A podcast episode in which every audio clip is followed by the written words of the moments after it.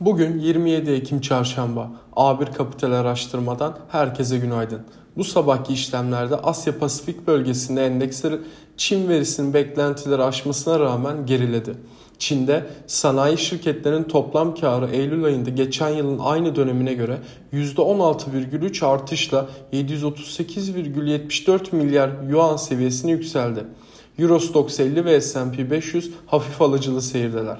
Altın yatırımcıları Avrupa Merkez Bankası Başkanı Christine Lagarde'ın perşembe günkü toplantı sonrası enflasyon görünümüne ve bunun faiz arttırımına gidildiğinde ne anlama geldiğine ilişkin söyleyeceklerine odaklanırken altın fiyatları düştü. Petrol fiyatları ABD'de özel sektör stok verilerinin karışık bir görünümüne işaret etmesiyle düştü. ABD'de demokratlar Başkan Joe Biden 3,5 trilyon dolar büyüklüğündeki sosyal harcama ve iklim değişikliği ile mücadele paketi üzerinde bir anlaşmaya dün gece de varamadılar. Bir grup kongre üyesi ABD Başkanı Joe Biden ve Dışişleri Bakanı Antony Blinken'a mektup yazarak Türkiye'nin F-16 talebinin reddedilmesi çağrısında bulundu. BIST 100 endeksinde teknik göstergelerde pozitif görünüm sürüyor.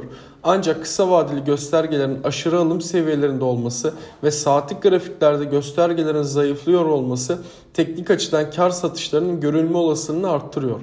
Ayrıca Mart ayında oluşan boşluğun da kapanmış olması son günlerde yaşanan güçlü yükselişte hızın yavaşlayabileceğini düşündürüyor. 1511 seviyesini gün içi hareketlerde ilk önemli direnç noktası olarak takip edeceğiz. Bu seviyenin üzerinde yaşanacak hareketlerde ise 1525 ile 1540 kısa vadeli üst direnç seviyeleri olarak verebiliriz.